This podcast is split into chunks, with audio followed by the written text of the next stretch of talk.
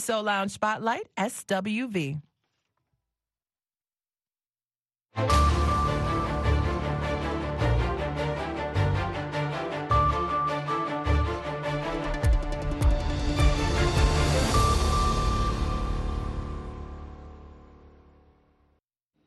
halkani waa washington laanta afka soomaaliga idaacadda v o a oo aad ka dhagaysanaysaan mawjadaha gaagaaban efemyada geeska afrika iyo caalamkao dhan oo aad nagala socotaan v o a somaly com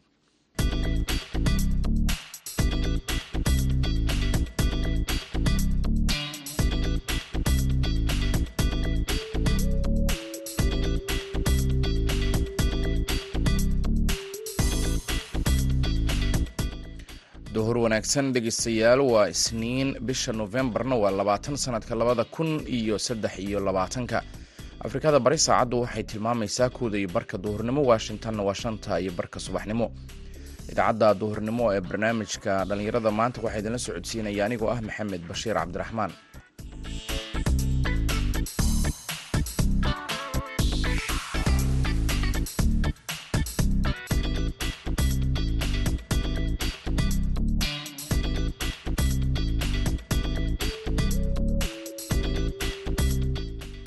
qodobada aad idaacaddeenna duhurnimo ku maqli doontaanna waxaa ka mid a wararkii ugu dambeeyey xaaladda magaalada garowe oo ay xiisado ka dhashay qaabka iyo xilliga doorashadu ka taagan yihiin. Hadda xaaladdu way degan tahay oo waxaa jira dadaallo ay wadaan dhaqanka iyo waxgaradka gobolka nugaal oo ay labada dhinacba la kulmayeen.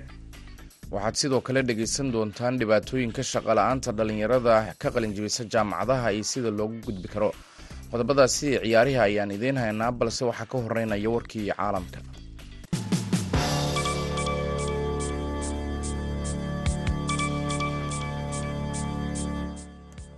Xoghayaha difaaca maraykanka lloyd austin ayaa isniinta maanta ah booqasho aan la sii shaacin ku tegay magaalada kiev halkaasi uu doonayo in ukrain uu xaqiijiyo in washington ay sii wadi doonto taageerada dagaalka ay ciidamada dalkaasi kula jiraan kuwa ruushka ee duulaanka dalkaasi ku qaaday. Maraykanka ayaa tobanaan bilyan oo dollar ku bixiyey gargaarka ammaanka ee ukrain isagoo si isdaba joog ahna u ballan qaaday inuu kiyef ku taageerayo intii loo baahdo. Laakiin diidmada xubnaha sharci-dejiyaasha mayalka adag ee xisbiga jamhuuriga ayaa kor u qaaday shaki la xiriira mustaqbalka caawimaadda maraykanka ee ukrain bayaan ka soo baxay bentaganka oo la xiriira booqashada xogayaha difaaca. Oo sababo ammaan awgeed aan horey loogu sii shaacin ayaa lagu sheegay in austin uu maanta u safray ukrain si uu la kulmo madaxda ukrain una xaqiijiyo taageerada joogtada ah ee maraykanku u fidiyo dagaalka xoreynta ee ukrain bayaanka ayaa intaa ku daray in austin sidoo kale hoosta ka xariiqi doono sida maraykanka ay uga go-an tahay in ukrain uu fidiyo kaalmada amni ay u baahan tahay si ay isaga difaacdo gardarada ruushka.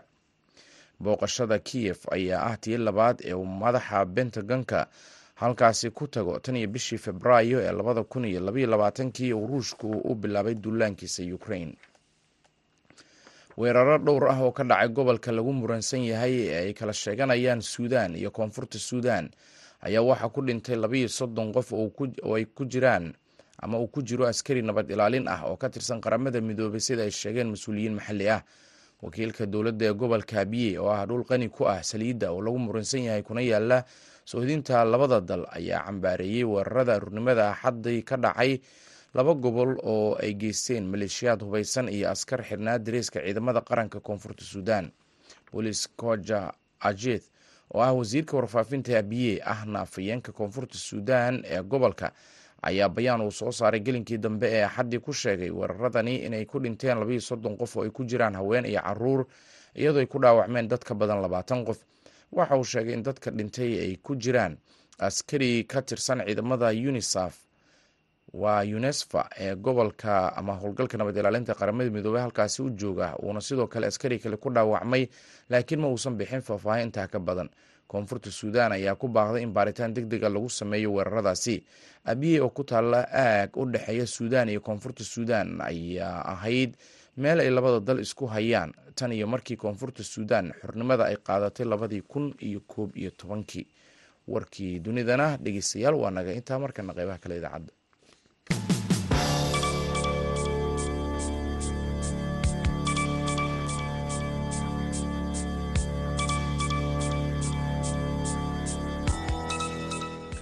duhur wanaagsan dhegeystayaal halka wararkaasi aad kala socotaan waa laanta afka soomaaliga ee v o a oo si toos idinkaga imaaneysa washington.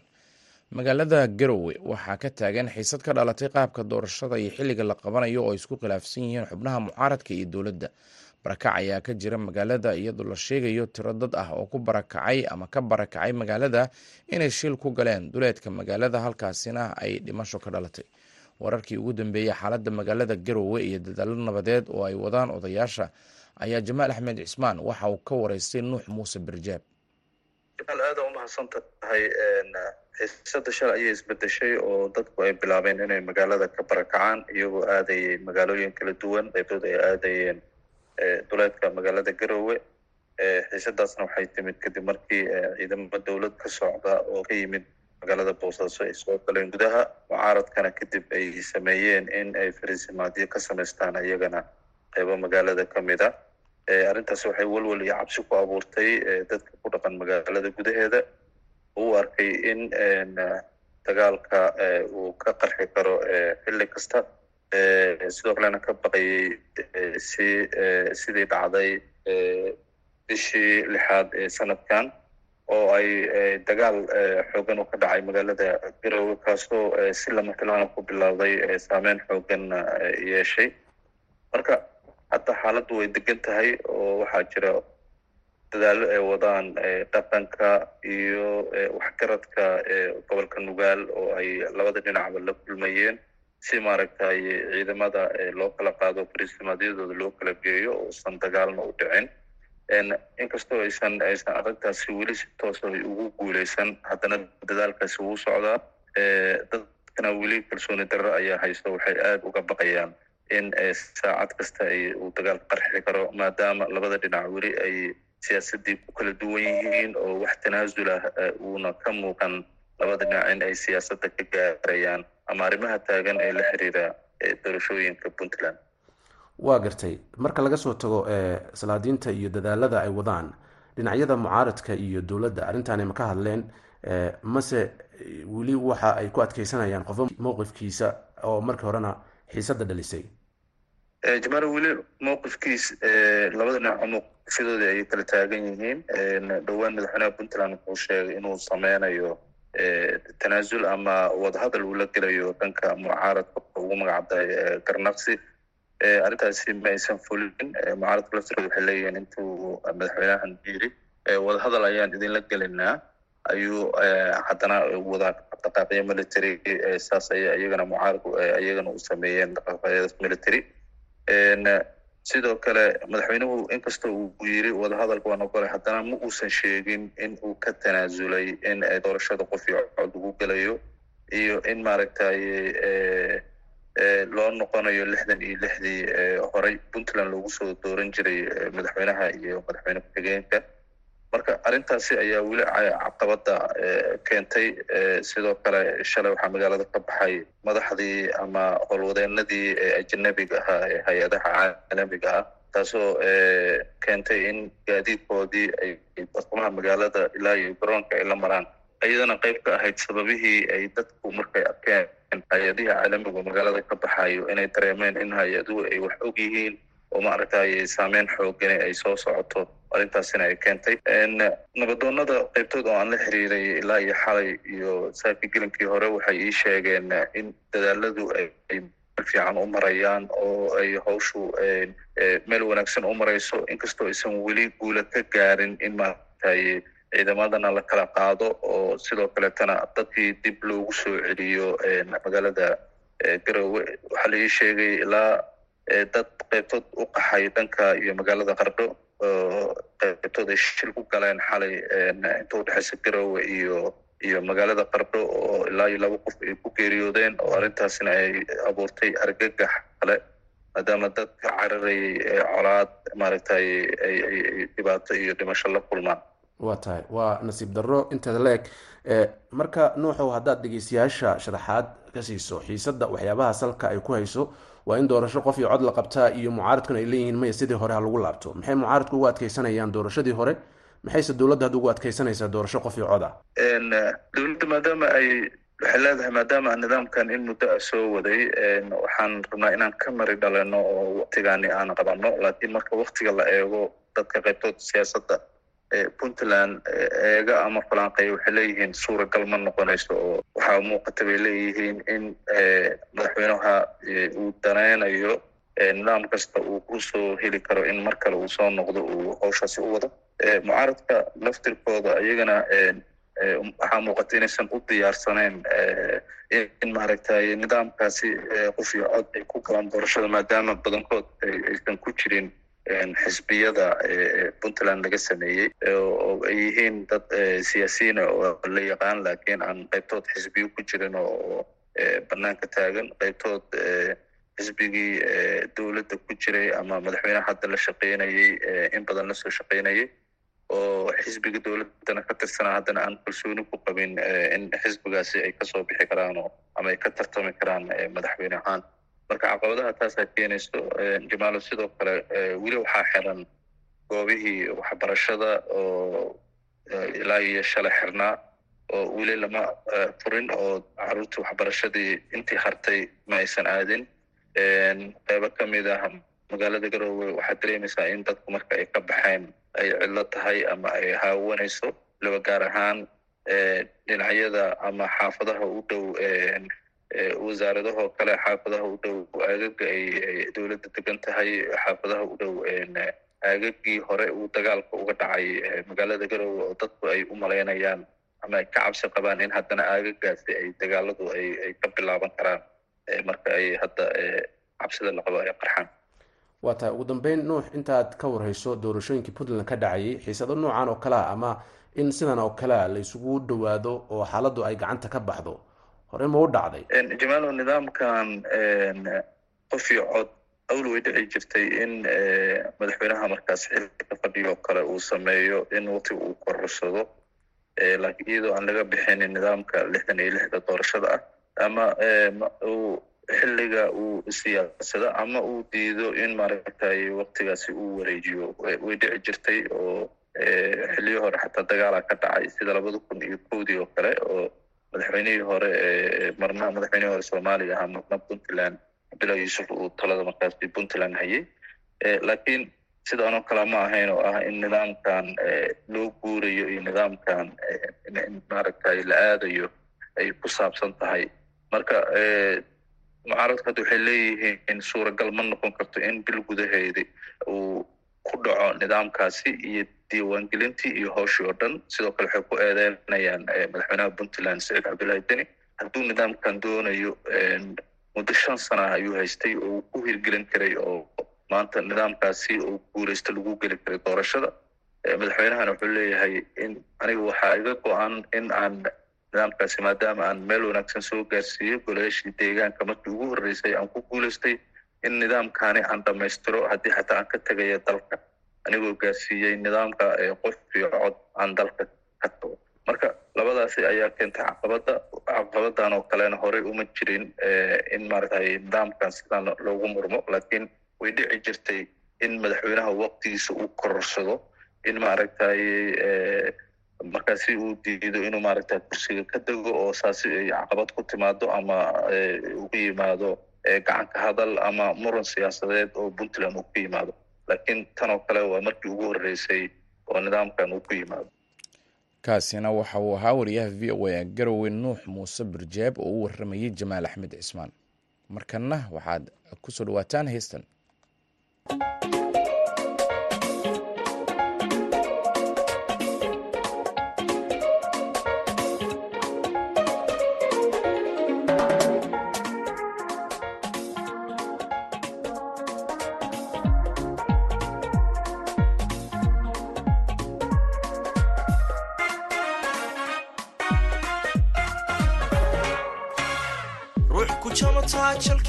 sonto jiifka guurtoo joogsan weyde jannoy bilcanida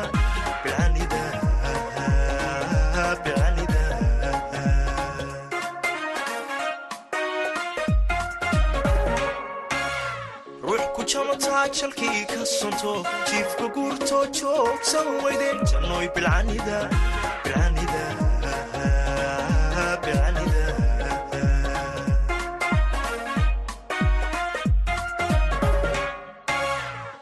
wanjiboodee juuqsan liida jiridhacoodee jalaqsan samida wajalbeeb wacanjaar la iida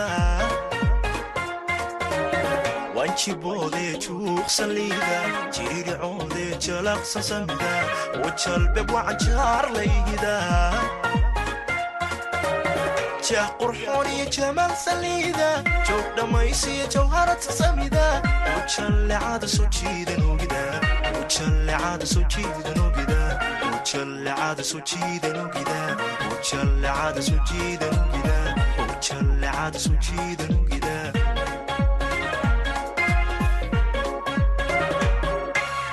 jah qurxoon iyo jamaal saliida joog dhammaysiyo jawharad sasamida ujallecada soo jiidan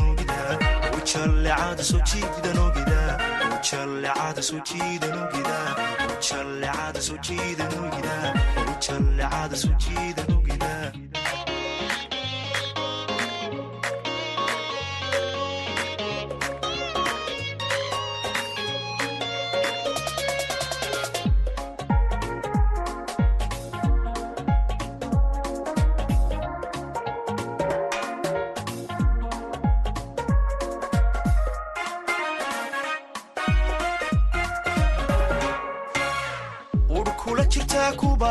jarayno kujajilicdo kuna jeelane mad ka jeesani ka jeesani unoy baybi ka jeesani ado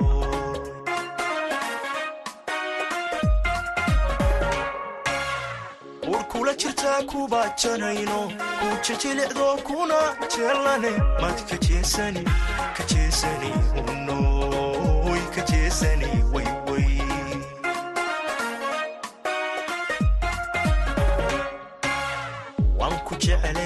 jaalma ii noqon waan jiranahee naftan ku jaba. Way jaraysaayo jeex ma ii noqon waan ku jeclee jaalma ii noqon waan jiranahee naftan ku jaba. Way jaraysaayo jeex ma ii noqon jeex qurxoon iyo jamaal saliida duug dhammaysiyo jawharad sasamida ogida ujallecada soo jiidan ogida ogida ujallecada soo jiidan ogida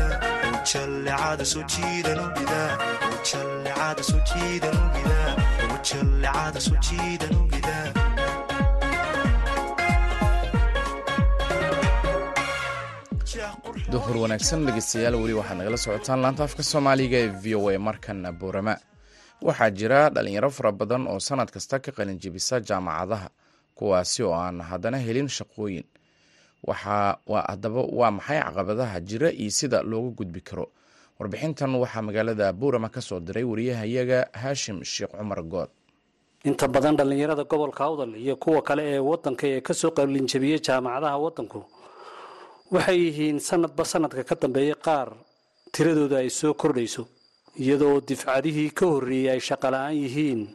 Suuqyadana ay joogaan aqoon-yahanka qaar ayaa ku sifeeyey sababaha dhallinyarada ka hortaagan inay shaqooyinka qaarkood ay qaban karaan dhaqanka soo jireenka bulshada oo hortaagan iyo kuwa la yimaada hal abuur ganacsi oo aan awoodin inay buuxiyaan shuruudaha maalgashiga baananka waddanka ku bixiyaan maalgelinta sida uu qabo aqoon-yahan cabdirasaaq daahir. Waxa weeyaan carruurta markay iskuulka dhiganayaan secondariga marxaladda secondariga soo maraya laguma barbaabiriyo shaqada suuqa. Qofkii ilaa uu ka baxay jaamacadda oo digrii uu dhammaynayo si aniguba ku barbaara aniga shaksiyan suuqale laguma soo daayo. Waxaa jirta deegaano kale wax laga yaaba qofki isagoo maraya aid standard aid ama fooma maraya suuqa in lagu soo daya orodoo berigaaga aaba la soo bax la idhaho halka taas waa arrin la xidhiidha dhaqanka deegaankeena. Taasaana adkeynaysa in qofku haweyni gasho markuu jaamacad oo xafiisnuu raadiyo dhallinyarada sida iminka maxamuudna ka dhawaajiyey adiguna aad taabatay waxay had iyo jeer jecel yihiin in xafiisyada dowladda ay u shaqo tagaan. Iyagu miyaanay samaysan karin? Shaqooyin. Waxay ku xidhan tahay dakhliga. Deegaanka waad og tahay waxaan maaragta uu aad buu dhaqaaliyaryahay maadaama uu taaturu kaabayaasha dhaqaalayar waxa yar bangiyadii maalgelinayay da-yarta mar walba dee waan garan karnaa dee hami uu ku wada jira haddii xitaa shaqo si ay adkaatay dee oo dhaqanka ka hor yimid oday la kaxaysanayo oo hal abuur la iman lahaayeen hal abuuradoodii wax maalgeliyaa jirin oo financial dee maaragta sectorkii xeerasha xitaa iminka way jiraan bangiya soo baxay laakiin xeerashoodu iyo dhalinyarta isma laha inkamkoogu islaamku wuxuu dhiirigeliyaa in qofku iskii iskaga shaqaysto si uu u maareeyo noloshiisa aqoon-yahan maxamuud faarax warsame wuxuu bartay aqoonta dhaqaalaha islaamka wuxuuna qabaa in dhallinyarada cusub ee soo qalinjabisaa aanay ka heli karin baananka maalgelin maadaama aanay helin hanti damaanad looga rabo. Waxaan ku takhasusay dhaqaalaha islaamka islaamku wuxuu horta inta badan dhiirigeliyaa dadku inay waxa la dhaha self employment ku dhiirigeliya self employment waa maxay? Qofku isagu noloshiisa la baxo. Uu cidna u shaqayn waayo islaamku wuxuu yar diidaa qofku haddii aad cid u shaqayso waxaa laga yaabaa waxoogaa inaad dhibadhan isaga ku noqotood ku tiirsanaato oo noloshaa dhan ku tiirsanaato waxyaala fara badan oo samayn lahayd oo horumara aanad samayn karin. Saad u fikiraysa ay noqoto sidii qof yacni dee qofka un ku hoos jiro haddii uu tale uu leeyahay iyo arrin uu leeyahay iyo wuxuu doonaya haddii uu la yimaado in shaqada laga eriyo dee markaa uu waxay shaqalaantaasi ay dhibaato ku keenayso. Waxa lahaa bangiyadu dee waxa shaqa abuurka qayb weyn bay ka qaataan maadaama ganacsiga qayb ka qaadanayaan laakiin mushkiladda halkan taallaa waxa weeye maadaama dhalinyarta collateral waxa la dhahdaa mushkilada ama waxa la dhahdaa raanka ama damaanada ayaa mushkila. Oo inankii dhalinyartii iminkunba qalin ma haysto dee wax uu bangigii dhigo si lacag loo siiyo. Taasi waxay keentaa markaa ilmu ama ninka dhalinyarta dhalinyaradu inaan isku dayin inay bangi u tagaan. Waayo haddii bangi u tagaan waxaa la odhanayaa hanti maxaad haysataa? Ka kaale xataa hantida haddii la xaliyo qof damiinulmaana keeno waxaa suurtagala in la weydiiyo mushaar maqaadada ninkan waaba dee ninka imika de fresh graduate waa iminkunbuu dee jaamacaddii ka qalan jabiyey taasina markaa waa qodob.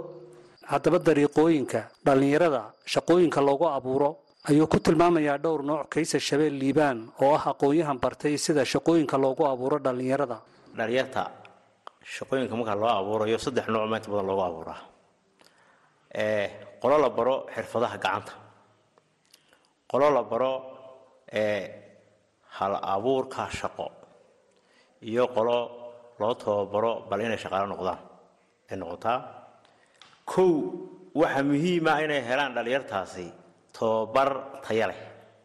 Matalan marka qofku la doonayo inuu isagu shaqo abuurto waxa kow ka ah qofkaasi waa inuu shaqo tag yahay isagu number one waa inuu shaqo tag yahay oo qalbiga ku hayaa inuu shaqaysto shaqo wixii loo diro uu diyaar yahay inuu qabto. Attitudeka noocaas waa inuu leeyahay. Qofku waa inuu la yimaadaa fikrad ganacsi oo shaqaynaysa. Markuu eego baahida jirta fikrad ganacsi oo shaqaynaysa waa inuu la yimaadaa. Taasaa markaa ay noqonaysaa business balaanka uu la yimaado in lagu maalgeliyo. Ta labaad waxa weeye qofka qofkii markuu la tababaro ee employability skillska lagu tababaro ee la dhiirogeliyo waxaa loo sameeyaa shaqo carbis. Shaqadaa waxa uu bartay ciddii ka shaqaysa ayaa loo geynayaa. Marka loo geynayo mudduu la joogayaa waa lagu daba joogayaa oo la eegayaa suu shaqaysto dabcigiisa qofkaasi marka uu muddadaa dhammaysto ee qoladaa ugu shaqaynaya u aragto qof anfacaya waxay u baahan tahay in lala hadlo la idhaahdo war qofkaa shaqo geya anugu intayd baan ka baxnay. Marka inuu saa ku shaqo galaana way dhacdaa inuu saa ku shaqo geli waayana way dhacdaa laakiin inta badan qofku wuu dhiiranaya. Wixii inuu qaban karo u arkayaa dadkii laftigooda u shaqaynayay laftigeeda markay arkaan qofka siduu aamin u yahay way qaadanayaan. Qolada saddexaad waxa weeye qolada aan aad wax u baran xirfadaha gacanta la baraa. Marka xirfadaha gacanta marka la barayo waxaa loo baahan yahay intaan xirfadii gacantaba la barin in suuqa la eego baahida ka jirta. Xirfada loogu baahi badan yahay xirfada noocaas iyo noocaas iyo noocaas loogu baahi badan yahay. Matalan alxankaa loogu baahi badan yahay solar baa loogu baahi badan yahay cunto karintaa loogu baahi badan yahay xirfado noocaasa ayaa la eegayaa baahida ka jirta. Taa marka la go'aamiyo ayaa la odhanaya xirfadahaasi ayaan anugu. Haashim sheekh cumar good v o a buurama warbixintaasi waxaa magaalada buurama ka soo diray haashim sheekh cumar good. Halkaad nagala socotaanna waa laanta afka soomaaliga ee v o a. Markana waxaad ku soo dhawaataan heystan